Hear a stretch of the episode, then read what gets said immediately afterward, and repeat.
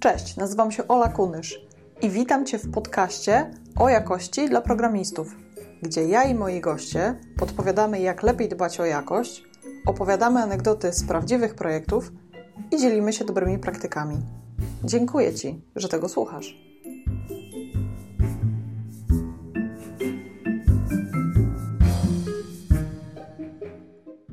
Zapraszam Cię do przesłuchania rozmowy z Łukaszem Drygałą, który jest świetnym programistą i obecnie pisze swój kod w skali. Łukasz to miłośnik programowania funkcyjnego i systemów rozproszonych. W swojej codziennej pracy skupia się na jakości oprogramowania i dostarczaniu wartości biznesowej. Podczas tej rozmowy dowiesz się, jakie są wyzwania w testowaniu systemów rozproszonych, jak zupełnie nieprogramistyczne problemy mogą wpłynąć na pracę programistów oraz jak można poprawić poczucie odpowiedzialności w projekcie. Zapraszam. Zaczniemy z grubej rury. Łukasz, czy ty zawsze pisałeś testy? E, odpowiedź e, będzie krótka. Oczywiście, że nie. E, ja nie studiowałem stricte informatyki, e, więc też jakby mój start był taki w programowanie takiego trochę samouka. I pierwsze jakieś takie programy, które gdzieś tam próbowałem pisać, to były oczywiście testowane, e, łamane na debugowane poprzez printliny i po prostu odpalane w różnych konstelacjach parametrów i, i sprawdzałem, co tam jest logowane na konsoli. Mm, no i tak to na początku wyglądało, aż do momentu, kiedy gdzieś we Wrocławiu jedna z firm postanowiła otworzyć takie zajęcia dla studentów po godzinach. To była chyba pierwsza taka inicjatywa we Wrocławiu i tam jednym z proces, jakby tam był tak nawet taki mm, właśnie proces rekrutacji, żeby się do tego dostać, ponieważ oni mieli dość dużo chętnych i trzeba było napisać bowling kata, Mhm. E, I ja oczywiście dopiero później skumałem, co to jest ta kata, więc na początku, jak y, tam z tego opisu skumałem, że to ma być kalkulator do liczenia punktów w grze w kręgle, to zacząłem robić jakiś UI do tego i dopiero potem, jak skumałem, co to jest ta kata, to zacząłem pisać pierwsze testy. No i tak jakby gdzieś tam sobie to doczytałem, jak to robić i E, no i to był mój pierwszy kontakt taki z testami, więc, więc jak już poszedłem gdzieś tam na swoją pierwszą rozmowę kwalifikacyjną, to miałem e, takie pojęcie, po co są te testy i wydaje mi się, że już takie pierwsze ich plusy widziałem tych testów, w sensie, że to na pewno jest szybsze niż e, to odpalanie tego swojego programu czy tej swojej metody z różnymi argumentami logowanie, mhm. to, to, to wydaje mi się, że było już wtedy oczywiste. Mhm. Czyli na początku po prostu y, console-driven debugging, a potem dopiero testowanie. Dokładnie, to, było, to była forma. Przez printline było i testowanie, i debugowanie. Y, w zależności od sytuacji, jeśli coś nie działało jak trzeba, to to właśnie była forma debugowania. Mhm. A, no i też takie testowanie pierwsze. To tak wydaje mi się, że. Znaczy, ma, ja mało kogo znam, kto już tak od samego początku wiedział, że jak pisać testy i tak dalej. Nie? U mhm. mnie to jakieś nie wyniknęło poprzez ten e, program jednej z firm wrocławskich. E, no jakby niejako mnie to zmusiło do tego, żeby się z tym zapoznać. I właśnie wydaje mi się, że dość szybko zauważyłem te plusy. Może oczywiście nie wszystkie na pewno, ale takie te podstawowe, że jest to po prostu szybsze, co i, i po prostu jest jakby, no masz pokrycie tego od początku do końca, nie? Więc mhm.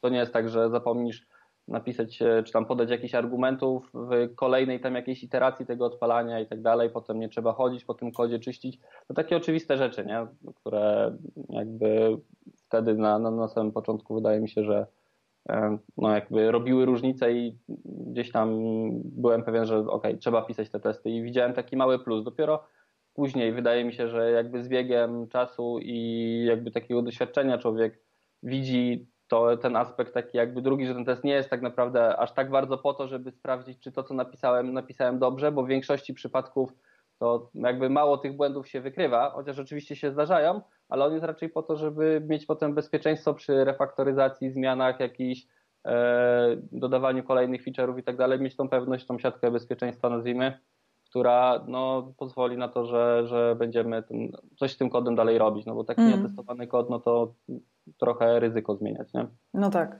Zwłaszcza, że tych use case'ów przybywa coraz bardziej. Dokładnie, nie? Że, dokładnie. Że ciężko jest sprawdzić wszystkie po kolei. za każdym razem.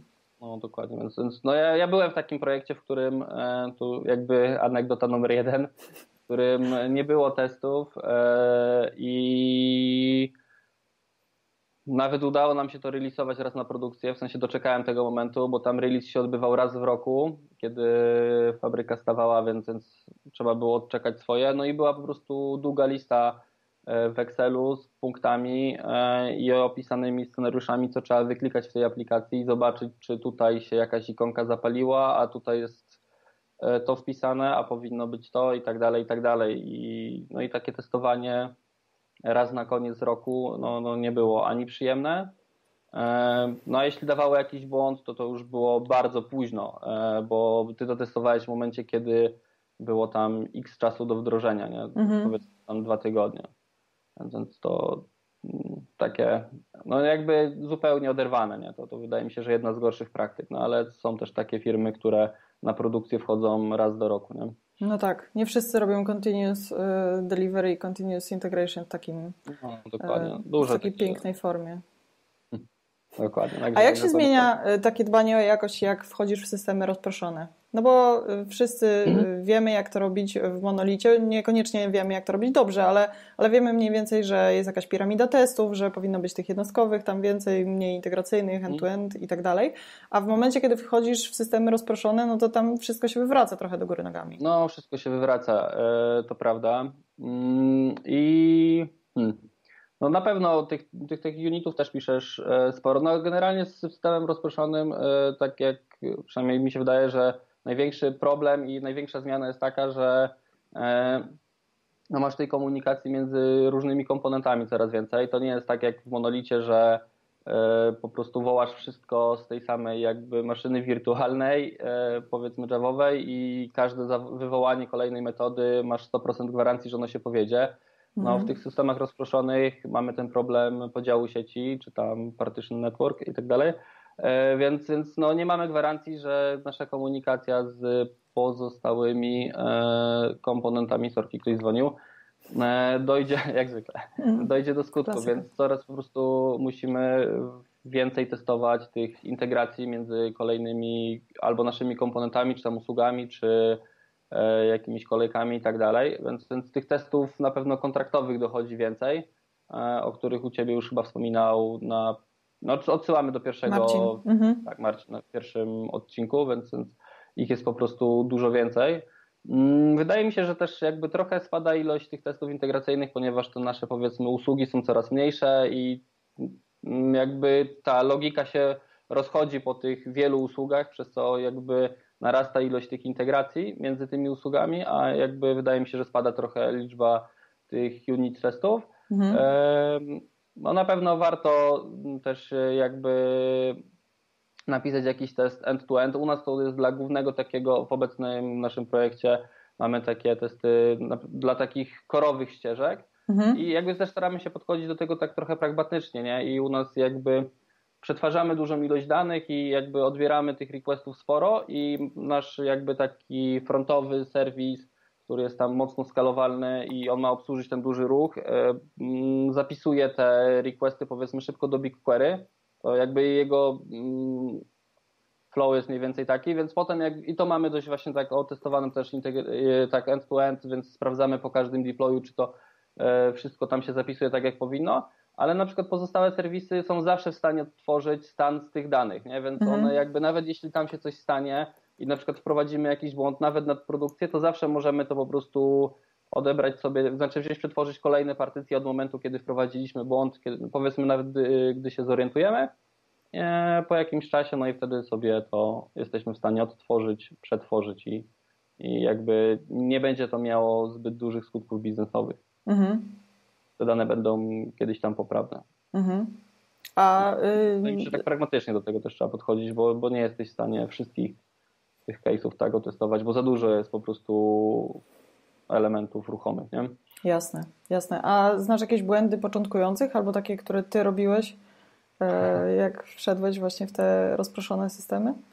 O, to e, tutaj pewnie będzie, można byłoby sporo wymienić, ale może zamiast o tych błędach bym powiedział jeszcze, bo zapomniałem o tym monitoringu, że to jest mhm. moim zdaniem ważna rzecz, której, która jakby nie jest y, samym testowaniem, o które zapytałaś, ale jednak jakąś taką formą pewności i tego, że nasze wszystkie komponenty działają i jednak tutaj też jest duża zmiana w stosunku do takiego e, w stosunku do powiedzmy tego przysłowiowego monolitu, więc jednak trzeba sporo tych naszych e, właśnie elementów, czy tam jakichś kolejek między naszymi serwisami, czy właśnie nawet samych naszych serwisów monitorować, no i sprawdzać po prostu, czy one nadal się ze sobą komunikują, czy nic się nie rozłączyło, czy tam powiedzmy nie zalegają jakieś miliony wiadomości między naszymi systemami, ponieważ albo ktoś się rozpiął, albo i, i nie konsumuje, albo ktoś przestał publikować.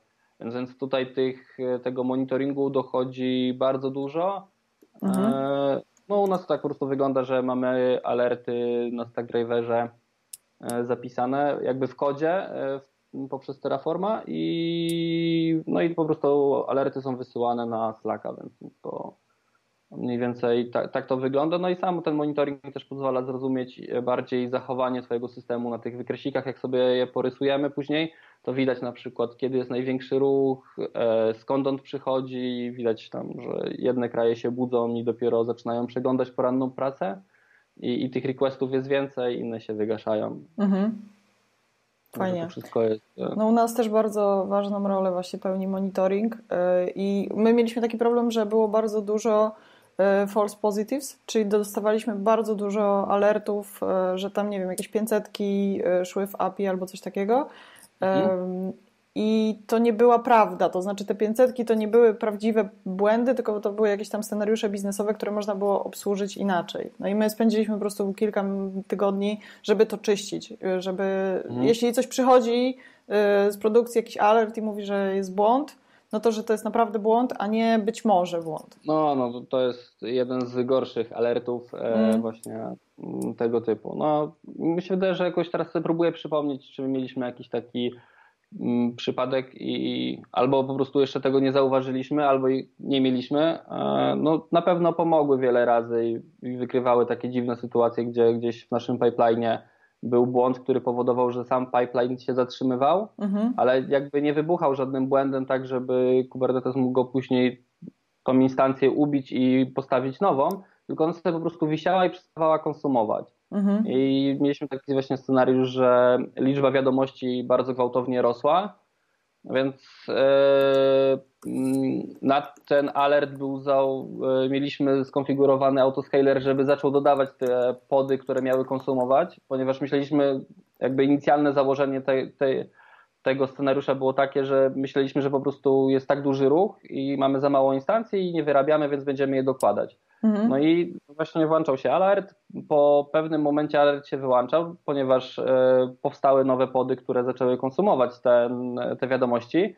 I jak już skonsumowały odpowiednią ilość wiadomości i alert się wyłączył, to e, autoscaler zaczął je ubijać, więc ubijał te nowe pody, które stworzył, mhm. a te pody, które nadal nie przetwarzały niczego i tylko sobie wisiały, E, zostawały, więc po pewnym momencie pojawiał się kolejny alert i ten mhm. nasze właśnie wykres ilości wiadomości w kolejce był taki, że rósł sobie rósł, potem spadał, rósł, rósł, rósł, taka właśnie piła jak w mhm.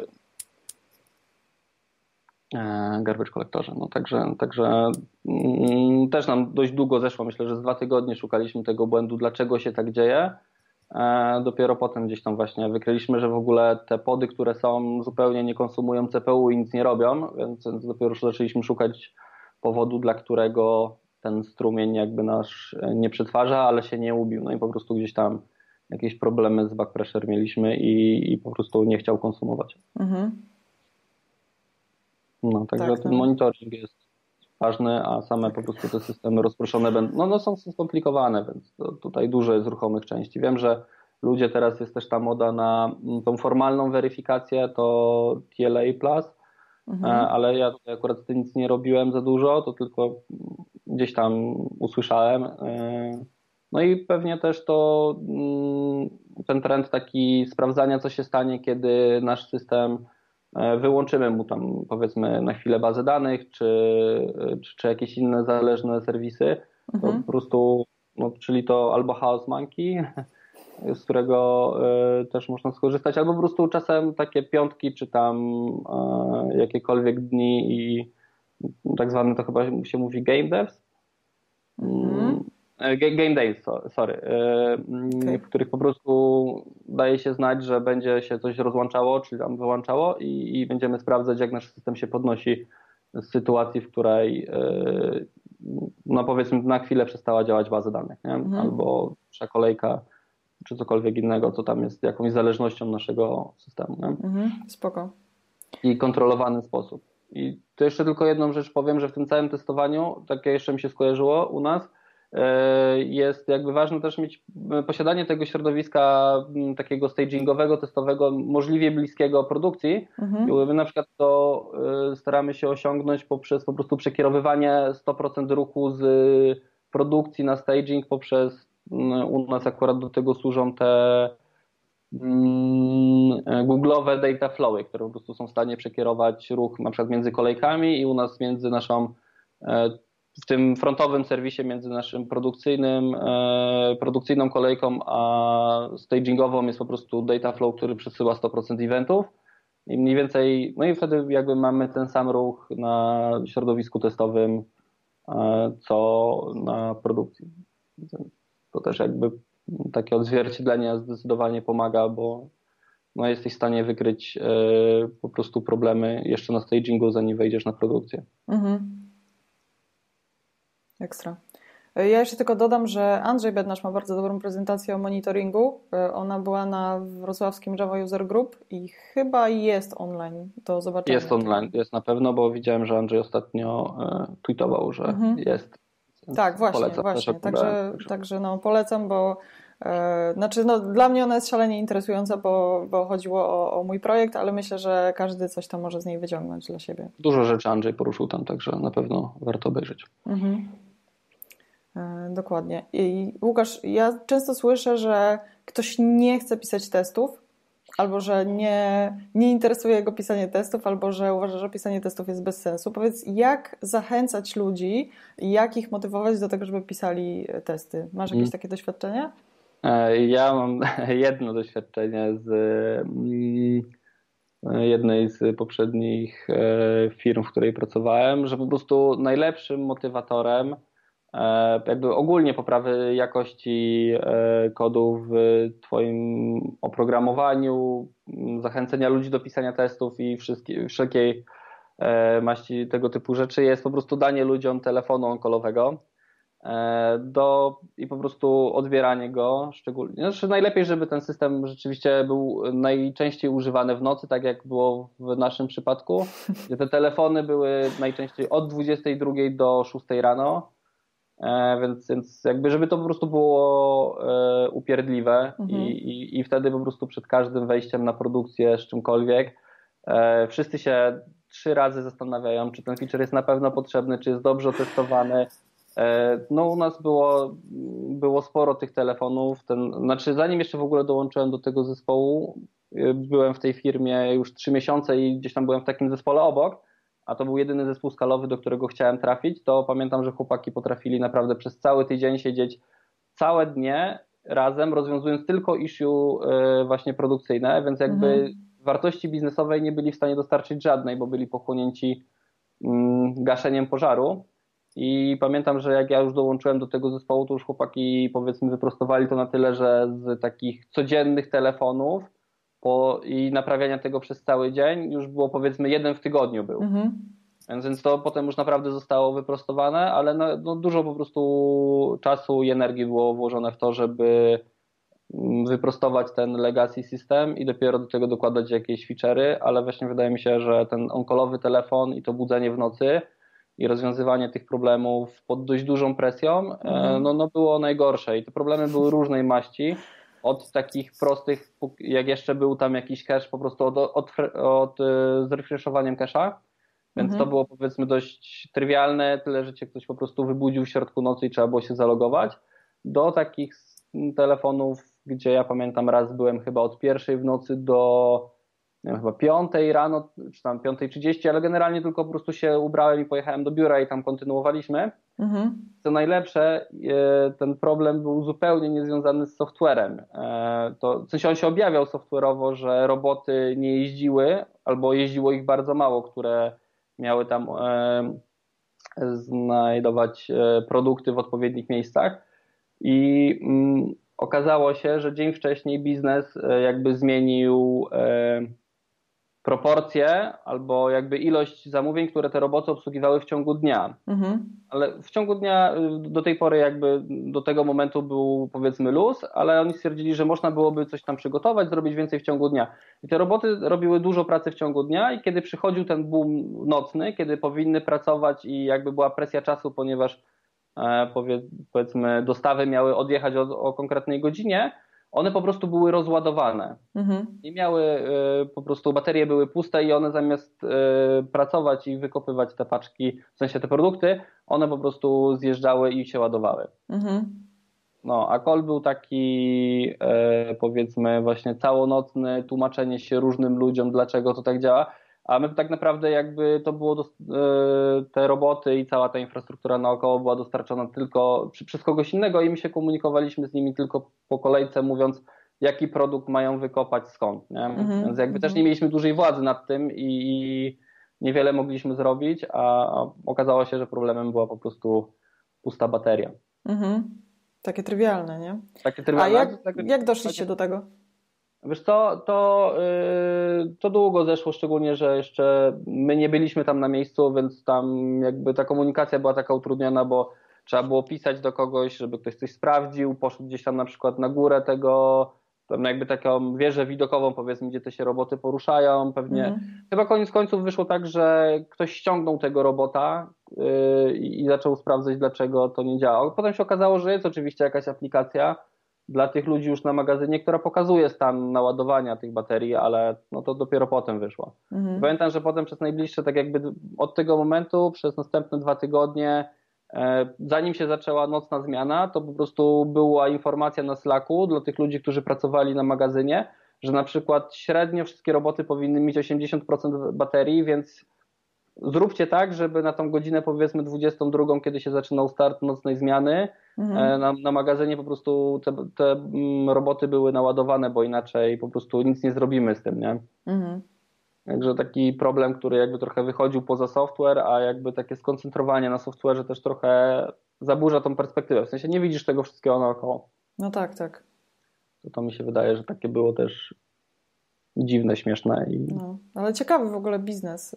No tam dużo było takich integracji właśnie z zewnętrznymi systemami albo właśnie pracy z jakimiś urządzeniami, bo my tam obsługiwaliśmy też na przykład drukarki takie małe, takie refgany do skanowania kodów kreskowych i robiliśmy jeszcze taką integrację z takim taśmociągiem, który tam miał takie... Mm, jakby podzielniki, które te paczki miały tam w różne miejsca wysyłać na zasadzie, że jeśli paczka była do przepakowania, to powinna jechać na jakąś stację, w której będzie można ją przepakować, albo jeśli to był jakiś tam produkt premium, to też powinien być trochę inaczej zapakowany, więc też tam gdzieś był przekierowywany. Mhm. No i to, to, też było takie dość ciekawe, że jakby przez pół roku robiliśmy tą, e, ten soft, potem pojechaliśmy tam, kiedy oni już wybudowali fizycznie ten taśmociąg i go testowaliśmy, i to całkiem spoko zadziałało. W sensie testy wszystkie przeszły. E, niestety launch tego, czy tam odpalenie może nie wyszło tak idealnie jak samo przetestowanie, ale to już może pozostawmy i przemilczmy. Tym optymistycznym akcentem jakby zbliżamy się do dziewiątej. E, Łukasz, dziękuję Ci bardzo za to, że przyjąłeś zaproszenie, żeby wystąpić o tak nieprzyzwoitej porze i poopowiadać o swoich doświadczeniach. Ja dziękuję ślicznie za zaproszenie. Mm, myślę, że tutaj dużo wiedzy y, udało mi się z Ciebie wyciągnąć. Bardzo dziękuję Ci za poświęcony czas. Jeśli ten odcinek dał Ci wartość, to podziel się nim w social mediach albo wyślij go do jednej osoby. W notatkach do odcinka znajdziesz linki do bloga, kanału na YouTubie i mojego Twittera. Jeśli masz jakieś pytania albo sugestie, to napisz do mnie na olamałpka.szkołatestów.online. Niech moc będzie z Tobą. Ola Kunysz.